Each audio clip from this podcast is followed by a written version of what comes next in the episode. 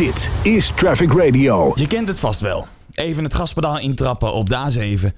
Maar dan natuurlijk niet zonder een app als Flitsmeister. Voor de politie zijn hardrijders een doorn in het oog. En eerder deze week sprak ik met de landelijk projectleider infrastructuur bij de Nationale Politie, Paul Broer. Over een nieuwe radarwagen die ze gaan inzetten. Maar wat is nou de invloed van deze onherkenbare mobiele radarwagen op de grootste flitsapp van Nederland, Flitsmeister? Aan de lijn heb ik Joren de Vries, directeur van de bekende Flitsmeister-app.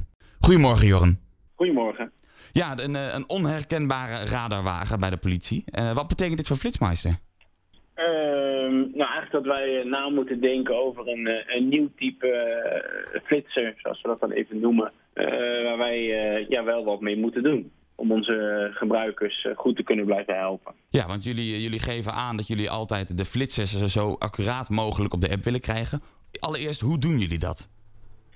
Uh, nou, dat, ligt een beetje aan welk uh, type flitsen je dan inderdaad noemt. Kijk, de vaste flitspalen en trajectcontroles zijn in dat op zich redelijk eenvoudig. Trajectcontroles zijn gewoon bekend vanuit het Openbaar Ministerie.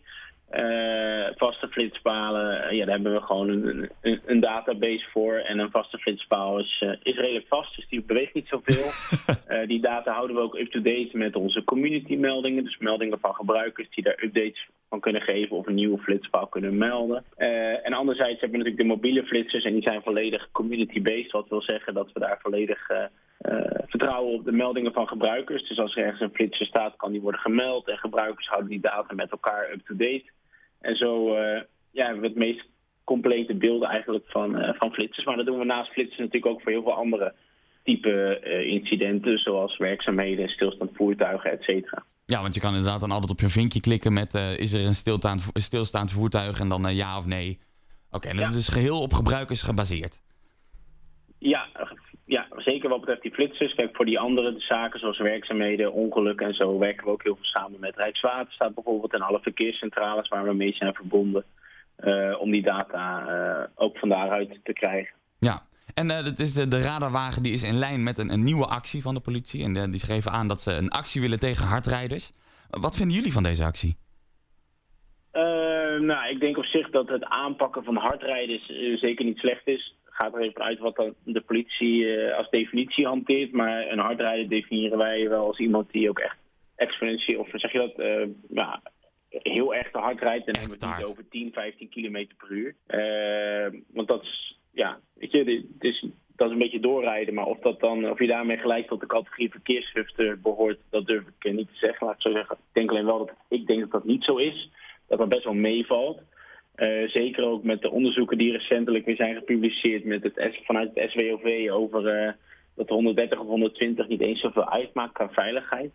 Uh, maar dat de politie natuurlijk ja, de echte verkeersschriften wilt aanpakken, ja, dat, dat keuren wij vanuit Flitsmeister ook goed. Want het is ook absoluut niet dat wij in dat opzicht op deze aarde zijn om uh, iedereen maar zo hard mogelijk te kunnen laten rijden. Dat, uh, we doen veel meer dan dat. Nee, maar is, is, dat wel een resultaat van de app? Want ik bedoel, als ik zelf een keertje even door wil trappen, dan, dan zet ik ook Flitsmeister aan. Om toch ervoor te zorgen dat ik niet ergens een, een onverwachte trajectcontrole of een, een mobiele flitspaal heb.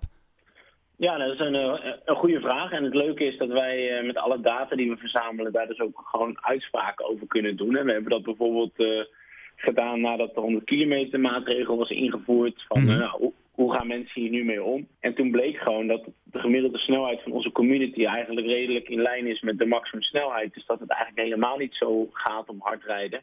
En dat komt waarschijnlijk ook wel met wat je in het begin zegt van ja, de, de flits-app Flitsmeister. En ik zal helemaal niet ontkennen dat wij ook een flits-app zijn. Ja. Uh, want het zit zelfs in de naam. Uh, maar het mooie is natuurlijk wel dat we door die jaren heen wel heel sterk verbreed zijn. En we veel meer een verkeersapp zijn geworden waar flitsen nog steeds een belangrijk onderdeel is. Maar dat is ook gewoon dat dat een heel groot pijnpunt is voor de automobilist. Dus we doen veel meer dan dat. Maar juist dat we die flitsers zo goed doen.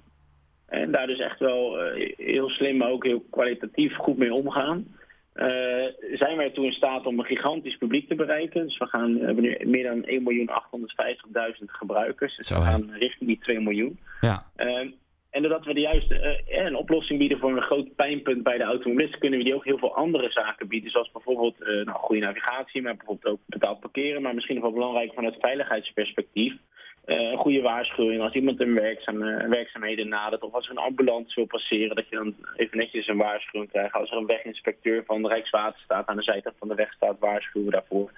En zijn allemaal hele mooie dingen. En misschien niet per se de dingen waarvoor mensen primair onze app gebruiken, maar doordat we die primaire behoeften wel heel goed vervullen, zijn we ook in, worden we in staat gesteld eigenlijk om ook al deze dingen te doen. En dan is onze conclusie wel dat als je dat allemaal bij elkaar optelt, dat we juist veiligheidsverhogend zijn. In plaats van dat we uh, de boel alleen maar onveiliger maken. Ja, dus dat je alleen maar voor de hardrijders bent inderdaad.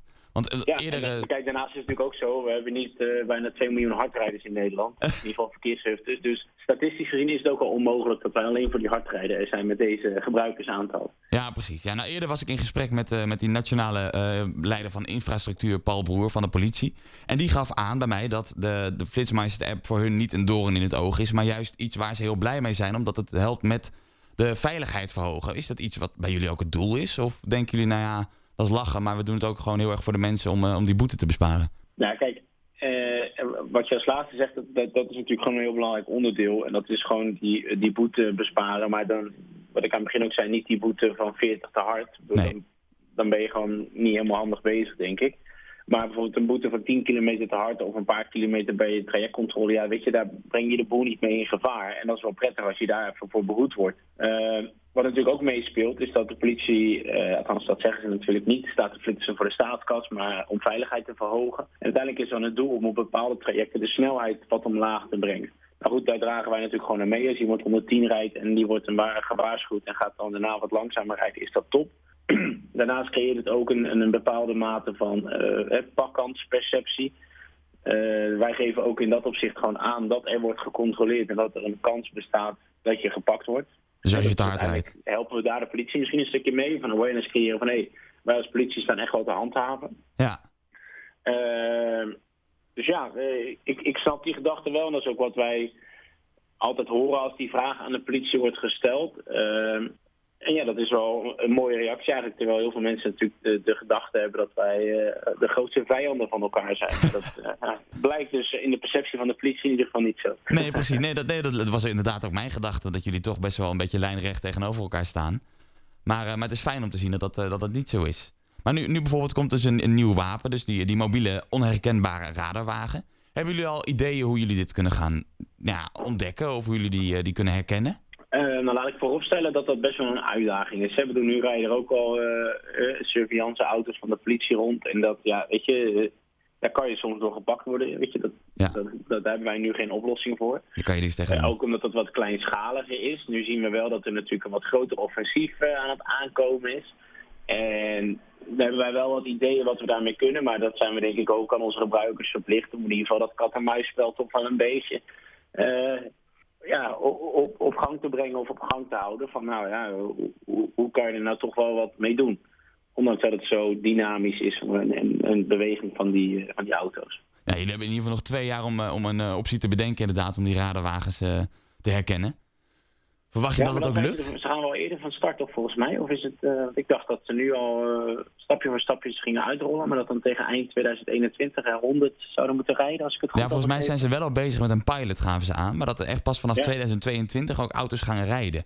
Dat is wat ik uh, horen okay, heb gekregen. nou goed, die pilot die zullen ze wel doen met handhaving. Dus dat is al een, een eerste stap die we kunnen zetten. Maar kijk, we zijn daar gewoon mee bezig en wij denken er wel over na dat ik vooropstel nogmaals, het is een zeer complex iets, omdat het, ja. het zijn reizende voertuigen en we willen ook niet dat mensen allemaal moeilijke fratsen gaan uithalen, omdat ze kunnen delen met ons en alles. Het moet wel veilig blijven. Uh, maar het zou wel gewoon uh, voor onze gebruikers heel tof zijn als we op een goede manier toch iets van een waarschuwing kunnen gaan geven en hebben we wat ideeën bij. Nou, dankjewel voor het gesprek. Jorn de Vries, directeur van de bekende Flitsmeister app. Dit is Traffic Radio.